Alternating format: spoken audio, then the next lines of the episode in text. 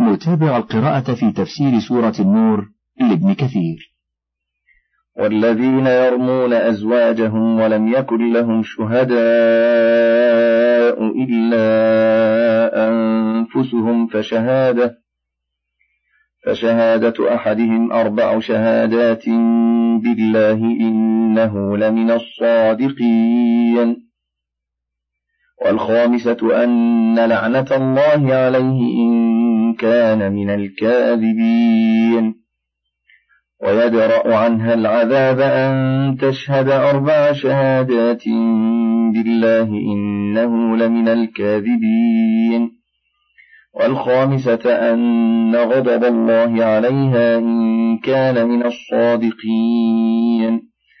ولولا فضل الله عليكم ورحمته وأن الله تواب حكيم. هذه الآية الكريمة فيها فرج للأزواج وزيادة مخرج. إذا قذف أحدهم زوجته وتعسر عليه إقامة البينة أن يلاعنها كما أمر الله عز وجل وهو أن يحضرها إلى الإمام فيدعي عليها بما رماها به فيحلفه الحاكم أربع شهادات بالله في مقابلة أربعة شهداء إنه لمن الصادقين أي فيما رماها به من الزنا. والخامسة أن لعنة الله عليه إن كان من الكاذبين. فإذا قال ذلك بانت منه بنفس هذا اللعان عند الشافعي وطائفة كثيرة من العلماء وحرمت عليه أبدا ويعطيها مهرها ويتوجه عليها حد الزنا. ولا يدرأ عنها العذاب إلا أن تلاعن. فتشهد أربع شهادات بالله إنه لمن الكاذبين أي فيما رماها به. والخامسة أن غضب الله عليها إن كان من الصادقين. ولهذا قال ويدرأ عنها العذاب يعني الحد. أن تشهد أربع شهادات بالله إنه لمن الكاذبين. والخامسة أن غضب الله عليها إن كان من الصادقين. فخصها بالغضب كما أن الغالب أن الرجل لا يتجشم فضيحة أهله ورميها بالزنا إلا وهو صادق معذور وهي تعلم صدقه فيما رماها به. ولهذا كانت الخامسة في حقها أن غضب الله عليها. والمغضوب عليه هو الذي يعلم الحق ثم يحيد عنه. ثم ذكر تعالى رأفته بخلقه ولطفه بهم فيما شرع لهم من الفرج والمخرج من شدة ما يكون بهم من الضيق. فقال تعالى ولولا فضل الله عليكم ورحمته أي لحرجتم ولشق عليكم كثير من أموركم وأن الله تواب أي على عباده وإن كان ذلك بعد الحلف والأيمان المغلظة حكيم فيما يشرعه ويأمر به وفيما ينهى عنه. وقد وردت الأحاديث بمقتضى العمل بهذه الآية وذكر سبب نزولها وفي من نزلت فيه من الصحابة. قال الإمام أحمد. حدثنا يزيد أخبرنا عباد بن منصور عن عكرمة عن ابن عباس قال لما نزلت والذين يرمون المحصنات ثم لم يأتوا بأربعة شهداء فجلدوهم ثمانين جلدة ولا تقبلوا لهم شهادة أبدا. قال سعد بن عبادة وهو سيد الأنصار رضي الله عنه أهكذا أنزلت يا رسول الله؟ فقال رسول الله صلى الله عليه وسلم يا معشر الأنصار ألا تسمعون ما يقول سيدكم؟ فقالوا يا رسول الله لا تلمه فإنه رجل غيور. والله ما تزوج امرأة قط إلا بكرا وما طلق امرأة قط فاجترأ رجل منا أن يتزوجها من شدة غيرته. فقال سعد والله يا رسول الله إني لأعلم إنها لحق وأنها من الله ولكني قد تعجبت أني لو وجدت لكاعا قد تفخذها رجل.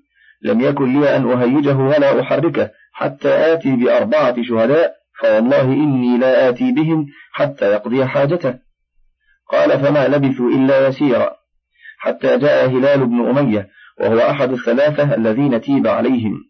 فجاء من أرضه عشاء فوجد عند أهله رجلا فرأى بعينيه وسمع بأذنيه فلم يهيجه حتى أصبح فغدا على رسول الله صلى الله عليه وسلم. فقال يا رسول الله إني جئت أهلي عشاء فوجدت عندها رجلا فرأيت بعيني وسمعت بأذني فكره رسول الله صلى الله عليه وسلم ما جاء به واشتد عليه واجتمعت عليه الأنصار وقالوا قد ابتلينا بما قال سعد بن عبادة الآن يضرب رسول الله صلى الله عليه وسلم هلال بن أمية ويبطل شهادته في الناس فقال هلال والله إني لأرجو أن يجعل الله لي منها مخرجا. وقال هلال يا رسول الله فإني قد أرى ما اشتد عليك مما جئت به. والله يعلم إني لصادق فوالله إن رسول الله صلى الله عليه وسلم يريد أن يأمر بضربه إذ أنزل الله على رسوله صلى الله عليه وسلم الوحي. وكان إذا أنزل عليه الوحي عرفوا ذلك في تربد وجهه يعني فأمسكوا عنه حتى فرغ من الوحي. فنزلت والذين يرمون أزواجهم ولم يكن لهم شهداء إلا أنفسهم فشهادة أحدهم أربع أربع شهادات بالله الآية. فسري عن رسول الله صلى الله عليه وسلم فقال أبشر يا هلال فقد جعل الله لك فرجا ومخرجا. فقال هلال قد كنت أرجو ذلك من ربي عز وجل. فقال رسول الله صلى الله عليه وسلم أرسلوا إليها. فأرسلوا إليها فجاءت فتلاها رسول الله صلى الله عليه وسلم عليهما فذكرهما وأخبرهما أن عذاب الآخرة أشد من عذاب الدنيا. فقال هلال والله يا رسول الله لقد صدقت عليها فقالت كذب. فقال رسول الله صلى الله عليه وسلم لاعنوا بينهما. فقيل لهلال اشهد. فشهد أربع شهادات بالله إنه لمن الصادقين. فلما كانت الخامسة قيل له يا هلال اتق الله فإن عذاب الدنيا أهون من عذاب الآخرة وإن هذه الموجبة التي توجب عليك العذاب. فقال والله لا يعذبني الله عليها كما لم يجلدني عليها. فشهد في الخامسة أن لعنة الله عليه إن كان من الكاذبين. ثم قيل للمرأة اشهدي أربع شهادات بالله إنه لمن الكاذبين. وقيل لها عند الخامسة اتق الله فإن عذاب الدنيا أهون من عذاب الآخرة. وإن هذه الموجبة التي توجب عليك العذاب. فتلكأت ساعة وهمت بالاعتراف ثم قالت والله لا أفضح قومي. فشهدت في الخامسة أن غضب الله عليها إن كان من الصادقين. ففرق رسول الله صلى الله عليه وسلم بينهما وقضى ألا يدعى ولدها لأب ولا يرمى ولدها ومن رماها أو رمى ولدها فعليه الحد. وقضى ألا بيت لها عليه ولا قوت لها من أجل أنهما يفترقان من غير طلاق ولا متوفى عنها. وقالت إن وقال إن جاءت به أصيهب وريشح حمش الساقين فهو لهلال وإن جاءت به أورق جعدا جماليا خدلج الساقين سابغ الأليتين فهو الذي رميت به. فجاءت به أورق جعدا جماليا خدلج الساقين سابغ الأليتين. فقال رسول الله صلى الله عليه وسلم لولا الأيمان لكان لي ولها شأن. قال عكرمة فكان بعد ذلك أميرا على مصر وكان يدعى لأمه ولا يدعى لأب ورواه أبو داود عن الحسن بن علي عن يزيد بن هارون به نحوه مختصرا. ولهذا الحديث شواهد كثيرة في الصحاح وغيرها من وجوه كثيرة. فمنها ما قال البخاري. حدثنا محمد بن بشار حدثنا ابن أبي عدي عن هشام.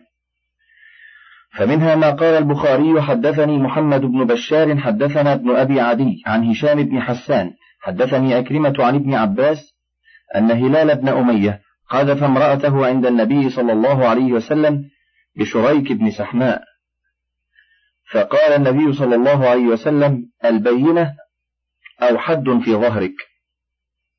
فقال يا رسول الله إذا أري أحدنا على امرأته رجلا ينطلق يلتمس البينة فجعل النبي صلى الله عليه وسلم يقول البينة وإلا حد في ظهرك.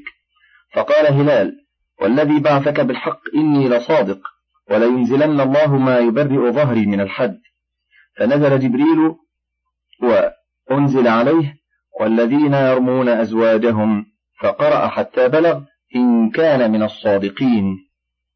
فانصرف النبي صلى الله عليه وسلم فأرسل إليهما فجاء هلال فشهد والنبي صلى الله عليه وسلم يقول إن الله يعلم أن أحدكما كاذب فهل منكما تائب؟ ثم قامت فشهدت فلما كان في الخامسة وقفوها وقالوا إنها موجبة. قال ابن عباس فتلكأت ونكصت حتى ظننا أنها ترجع. ثم قالت لا أفضح قومي سائر اليوم. فمضت فقال النبي صلى الله, صلى الله عليه وسلم أبصروها فإن جاءت به أكحل العينين سابغ الأليتين خدلج الساقين فهو لشريك بن سحماء. فجاءت به كذلك. فقال النبي صلى الله عليه وسلم لولا ما مضى من كتاب الله لكان لي ولها شأن. انفرد به البخاري من هذا الوجه وقد رواه من غير وجه عن ابن عباس وغيره. وقال ابن أبي حاتم حدثنا أحمد بن منصور الزيادي حدثنا يونس بن محمد حدثنا صالح وهو ابن عمر حدثنا عاصم يعني ابن كليب عن أبيه حدثني ابن عباس قال جاء رجل إلى رسول الله صلى الله عليه وسلم فرمى امرأته برجل فكره ذلك رسول الله صلى الله عليه وسلم فلم يزل يردده حتى أنزل الله تعالى والذين يرمون أزواجهم فقرأ حتى فرغ من الآيتين فأرسل إليهما فدعاهما فقال إن الله تعالى قد أنزل فيكما. فدعا الرجل فقرأ عليه فشهد أربع شهادات بالله إنه لمن الصادقين. ثم أمر به فأمسك على فيه. فوعظه فقال له كل شيء أهون عليه من لعنة الله. ثم أرسله فقال لعنة الله عليه إن كان من الكاذبين. ثم دعاها فقرأ عليها فشهدت أربع شهادات بالله إنه من الكاذبين. ثم أمر بها فأمسك على فيها فوعظها وقال ويحك كل شيء أهون من غضب الله. ثم أرسلها فقالت غضب الله عليها إن كان من الصادقين. فقال رسول الله صلى الله عليه وسلم أما والله لأقضين بينكما قضاء فصلا. قال فولدت فما رأيت مولودا بالمدينة أكثر منه. فقال إن جاءت به لكذا وكذا فهو كذا. وإن جاءت به لكذا وكذا فهو لكذا. فجاءت به يشبه الذي قذفت به. وقال الإمام أحمد حدثنا يحيى بن سعيد حدثنا عبد الملك بن أبي سليمان قال سمعت سعيد بن جبير قال سئلت عن المتلاعنين. أيفرق بينهما في إمارة ابن زبير؟ فما دريت ما أقول. فقمت من مكاني إلى منزل ابن عمر فقلت يا أبا عبد الرحمن المتلاعنان أيفرق بينهما؟ فقال سبحان الله إن أول من سأل عن ذلك فلان ابن فلان. فقال يا رسول الله أرأيت الرجل يرى امرأته على فاحشة؟ فإن تكلم تكلم بأمر عظيم وإن سكت سكت على مثل ذلك. فسكت فلم يجبه. فلما كان بعد ذلك أتاه فقال الذي سألتك عنه قد ابتليت به. فأنزل الله تعالى هذه الآيات في سورة النور. والذين يرمون أزواجهم حتى بلغ أن غضب الله عليها إن كان من الصادقين. فبدأ بالرجل فوعظه وذكره وأخبره أن عذاب الدنيا أهون من عذاب الآخرة. فقال والذي بعثك بالحق ما كذبت. ثم ثنى بالمرأة فوعظها وذكرها وأخبرها أن عذاب الدنيا أهون من عذاب الآخرة. فقالت المرأة والذي بعثك بالحق إنه لكاذب. قال فبدأ بالرجل فشهد أربع شهادات بالله إنه لمن الصادقين والخامسة أن لعنة الله عليه إن كان من الكاذبين.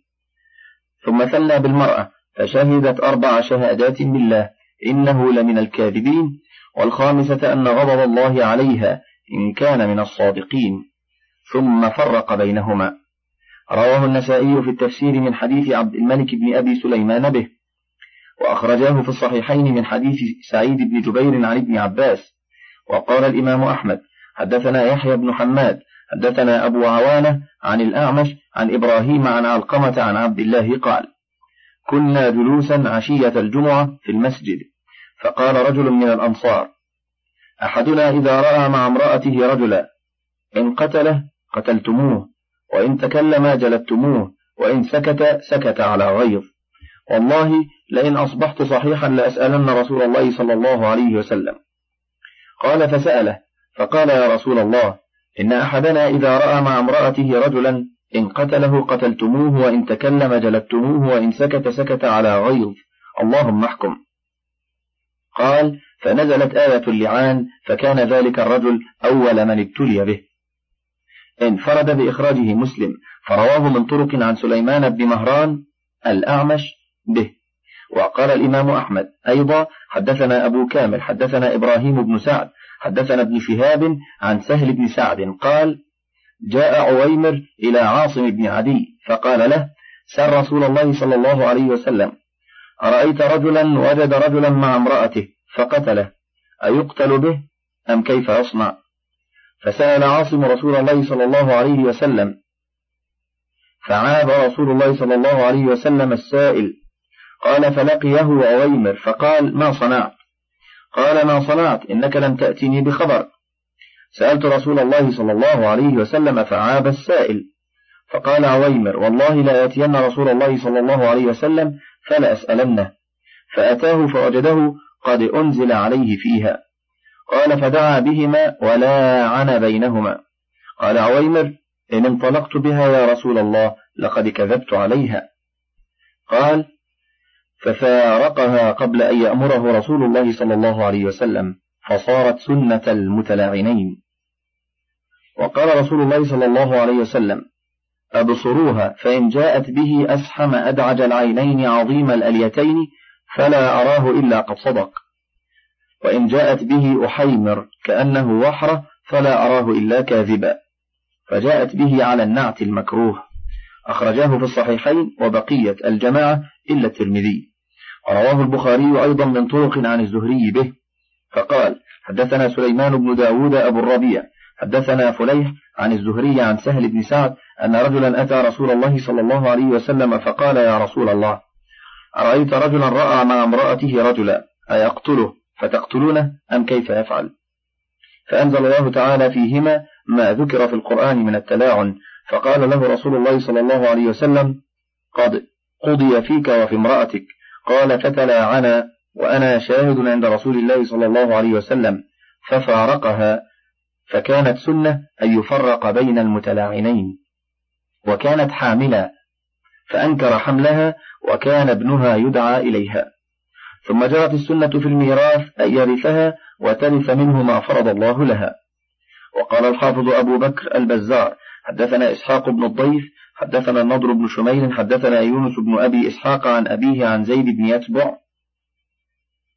عن حذيفة رضي الله عنه قال قال رسول الله صلى الله عليه وسلم لأبي بكر لو رأيت مع أم رومان رجلا ما كنت فاعلا. قال كنت والله فاعلا به شرا. قال فأنت يا عمر. قال كنت والله فاعلا. كنت أقول لعن الله الأعجز فإنه خبيث. قال فنزلت والذين يرمون أزواجهم ولم يكن لهم شهداء إلا أنفسهم.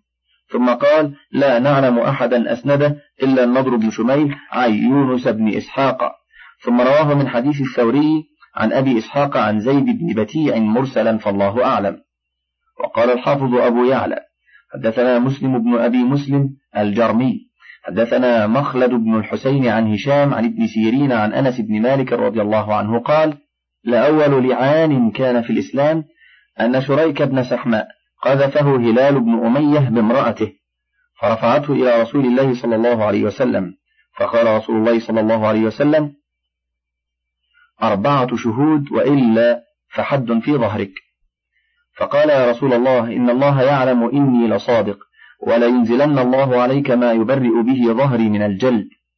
فأنزل الله آية اللعان والذين يرمون أزواجهم إلى آخر الآية. قال فدعاه النبي صلى الله عليه وسلم فقال اشهد بالله إنك لمن الصادقين فيما رميتها به من الزنا. فشهد بذلك أربع شهادات ثم قال في الخامسة ولعنة الله عليك إن كنت من الكاذبين فيما رميتها به من الزنا. ففعل. ثم دعاها رسول الله صلى الله عليه وسلم فقال قومي فاشهدي بالله إنه من لمن الكاذبين فيما رماك به من الزنا. فشهدت بذلك أربع شهادات ثم قالت ثم قال لها في الخامسة وغضب الله عليك إن كان من الصادقين فيما رماك به من الزنا. قال فلما كانت الرابعة أو الخامسة سكتت سكتة حتى ظنوا أنها ستعترف ثم قالت لا أفضح قومي سائر اليوم. فمضت على القول. ففرق رسول الله صلى الله عليه وسلم بينهما وقال انظروا فإن جاءت به جعدا حمش الساقين فهو لشريك بن سحماء وإن جاءت به أبيض سبطا قصير العينين فهو لهلال بن أمية فجاءت به جعدا حمش الساقين فقال رسول الله صلى الله عليه وسلم لولا ما نزل فيهما من كتاب الله لكان لي ولها شأن. إن الذين جاءوا بالإفك عصبة منكم لا تحسبوه شرا لكم بل هو خير لكم لكل امرئ منهم ما اكتسب من الإثم والذي تولى كبره منهم له عذاب عظيم. هذه العشر الآيات كلها نزلت في شأن عائشة أم المؤمنين رضي الله عنها حين رماها أهل الإفك والبهتان من المنافقين بما قالوه من الكذب البحت والفرية التي غار الله عز وجل لها ولنبيه صلوات الله وسلامه عليه. فأنزل الله تعالى براءتها صيانة لعرض الرسول صلى الله عليه وسلم. فقال تعالى إن الذين جاءوا بالإفك عصبة منكم أي جماعة منكم يعني ما هو واحد ولا اثنان بل جماعة. فكان المقدم في هذه اللعنة عبد الله بن أبي بن سلول. رأس المنافقين فإنه كان يجمعه ويستوشيه حتى دخل ذلك في أذهان بعض المسلمين فتكلموا به وجوزه آخرون منهم وبقي الأمر كذلك قريبا من شهر حتى نزل القرآن. وبيان ذلك في الأحاديث الصحيحة. وقال الإمام أحمد حدثنا عبد الرزاق حدثنا معمر عن الزهري قال أخبرني سعيد بن المسيب وعروة بن الزبير وعلقمة بن وقاص وعبيد الله بن عبد الله ابن عتبة بن مسعود عن حديث عائشة زوج النبي صلى الله عليه وسلم هامش كذا في الأميرية وفي البغوي عن عائشة. انتهى. حين قال لها أهل, الكف أهل الإفك ما قالوا فبرأها الله تعالى. وكلهم قد حدثني بطائفة من حديثها وبعضهم كان أوعى لحديثها من بعض وأثبت له اقتصاصا. وقد وعيت عن كل رجل منهم الحديث الذي حدثني عن عائشة وبعض حديثهم يصدق بعضا. ذكروا أن عائشة رضي الله عنها زوج النبي صلى الله عليه وسلم قالت كان رسول الله صلى الله عليه وسلم إذا أراد أن يخرج لسفر أقرع بين نسائه فأيتهن خرج سهمها خرج بها رسول الله صلى الله عليه وسلم معه. قالت عائشة رضي الله عنها فأقرع بيننا في غزوة غزاها فخرج فيها سهمي. خرجت مع رسول الله صلى الله عليه وسلم وذلك بعدما نزل الحجاب فأنا أحمل في هودجي وأنزل فيه. فسرنا حتى إذا فرغ رسول الله صلى الله عليه وسلم من غزوته تلك وقفل ودنونا من المدينة. أذن ليلة بالرحيل فقمت حين آذن بالرحيل فمشيت حتى جاوزت الجيش. فلما قضيت شأني أقبلت إلى رحلي فلمست صدري فإذا عقد لي من جزع ظفار قد انقطع. فرجعت فالتمست عقدي فحبسني ابتغاؤه. وأقبل الرهط الذين كانوا يرحلونني فاحتملوا هودجي فرحلوه على بعير الذي كنت أركب وهم يحسبون أني فيه. قالت وكان النساء إذ ذاك خفافا لم يثقلن ولم يغشهن اللحم إنما يأكلن العلقة من الطعام فلم يستنكر القوم خفة الهودج حين رفعوه وحملوه. وكنت جارية حديثة السن فبعثوا الجمل وساروا ووجدت عقدي بعدما استمر الجيش فجئت منازلهم وليس بها داع ولا مجيب. فتيممت منزلي الذي كنت فيه وظننت أن القوم سيفقدونني فيرجعون إلي فبينما أنا جالسة في منزلي غلبتني عيناي فنمت. وكان صفوان بن المعطل السلمي ثم الذكواني قد عرس من وراء الجيش فأدلج فأصبح عند منزلي. فرأى سواد إنسان نائم فأتاني فعرفني حين رآني وقد كان رآني قبل الحجاب. فاستيقظت باسترجاعه حين عرفني فخمرت وجهي بجلبابي.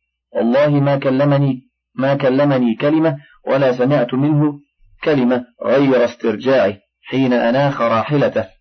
فوطئ على يدها فركبتها فانطلق يقود بي الراحلة حتى أتينا الجيش بعدما نزلوا موغرين في نحر الظهيرة. فهلك من هلك في شأني. وكان الذي تولى كبره عبد الله بن أبي بن سلول فقدمنا المدينة. فاشتكيت حين قدمناها شهرا والناس يفيضون في قول أهل الإفك ولا أشعر بشيء من ذلك وهو يريبني في وجعي. أني لا أرى رسول الله صلى الله عليه وسلم اللطف الذي أرى منه حين أشتكي. إنما يدخل رسول الله صلى الله عليه وسلم فيسلم ثم يقول كيف تيكم؟ فذلك الذي يريبني ولا أشعر بالشر حتى خرجت بعدما نقهت وخرجت معي أم مصطح قبل المناصع وهو متبرزنا ولا نخرج إلا ليلا إلى ليل وذلك قبل أن نتخذ الكنف قريبا من بيوتنا. وأمرنا أمر العرب الأول في التنزه في البرية. وكنا نتأذى بالكنف أن نتخذها في بيوتنا. فانطلقت أنا وأم مصطح وهي بنت أبي رهم بن, عبد ابن المطلب بن عبد مناف وأمها ابنة صخر بن عامر خالة أبي بكر الصديق. وابنها مصطح بن أثاثة ابن, ابن عباد ابن عبد المطلب. هامش في البغوي ابن المطلب. انتهى. فأقبلت أنا وابنة أبي رهم أم مصطح قبل بيتي حين فرغنا من شأننا. فعثرت أم مصطح في موطها فقالت تعس مصطح؟ فقلت لها بئس ما قلت. تسبين رجلا شهد بدرا فقالت أي هنتاه ألم تسمعي ما قال؟ قلت وماذا قال؟ قالت فأخبرتني بقول أهل الإفك فازددت مرضا إلى مرضي فلما رجعت إلى بيتي دخل علي رسول الله صلى الله عليه وسلم فسلم ثم قال كيف تيكم فقلت له أتأذن لي أن آتي أبوي؟ قالت وأنا حينئذ أريد أن أتيقن الخبر من قبلهما فأذن لي رسول الله صلى الله عليه وسلم. فجئت أبوي فقلت لأمي يا أمتاه لماذا يتحدث الناس به؟ فقالت أي بنية هوني عليك. فوالله لقلما كانت امرأة قط وضيئة عند رجل يحبها ولها ضرائر إلا أكثرن عليها. قالت فقلت سبحان الله وقد تحدث الناس بها فبكيت تلك الليلة حتى أصبحت لا يرقع لي دمع ولا أكتحل بنوم ثم أصبحت أبكي. قالت فدعا رسول الله صلى الله عليه وسلم علي بن أبي طالب وأسامة بن زيد حين استلبث الوحي يسألهما ويستشيرهما في فراق أهله. قالت فأما أسامة بن زيد فأشار على رسول الله صلى الله عليه وسلم بالذي يعلم من براءة أهله وبالذي يعلم في نفسه لهم من الود. فقال أسامة يا رسول الله أهلك ولا نعلم إلا خيرا. وأما علي بن أبي طالب فقال يا رسول الله لم يضيق الله عليك والنساء سواها كثير. وإن تسأل الجارية تصدقك الخبر. قال فدعا رسول الله صلى الله عليه وسلم بريرة فقال أي بريرة هل رأيت من شيء يريبك من عائشة؟ فقالت له بريرة والذي بعثك بالحق إن رأيت منها أمرا قط أغمصه عليها أكثر من أنها جارية؟ حديثة السن تنام عن عجين أهلها فتأتي الداجن فتأكله. فقام رسول الله صلى الله عليه وسلم من يومه فاستعذر من عبد الله بن أبي بن سلول. قالت فقال رسول الله صلى الله عليه وسلم وهو على المنبر يا معشر المسلمين من يعذرني من رجل قد بلغني أذاه في أهلي فوالله ما علمت على أهلي إلا خيرا ولقد ذكروا رجلا ما علمت عليه إلا خيرا. وما كان يدخل على أهلي إلا معي. فقام سعد بن معاذ الأنصاري رضي الله عنه فقال أنا أعذرك منه يا رسول الله. إن كان من الأوس ضربنا عنقه وإن كان من إخواننا الخزرج أمرتنا ففعلنا أمرك. فقام سعد بن عبادة وهو سيد الخزرج وكان رجلا صالحا. ولكن احتملته الحمية فقال لسعد بن معاذ كذبت لعمر الله لا تقتله ولا تقدر على قتله ولو كان من رهتك ما أحببت أن يقتل. فقام أسيد بن حضير وهو ابن عم سعد بن معاذ فقال لسعد بن عبادة كذبت لعمر الله لنقتلنه فإنك منافق تجادل عن المنافق. فثار الحيان الأوس والخزرج حتى هموا أن يقتتلوا ورسول الله صلى الله عليه وسلم على المنبر. فلم يزل رسول الله صلى الله عليه وسلم يخفضهم حتى سكتوا وسكت رسول الله صلى الله عليه وسلم. من فضلك تابع بقية المادة.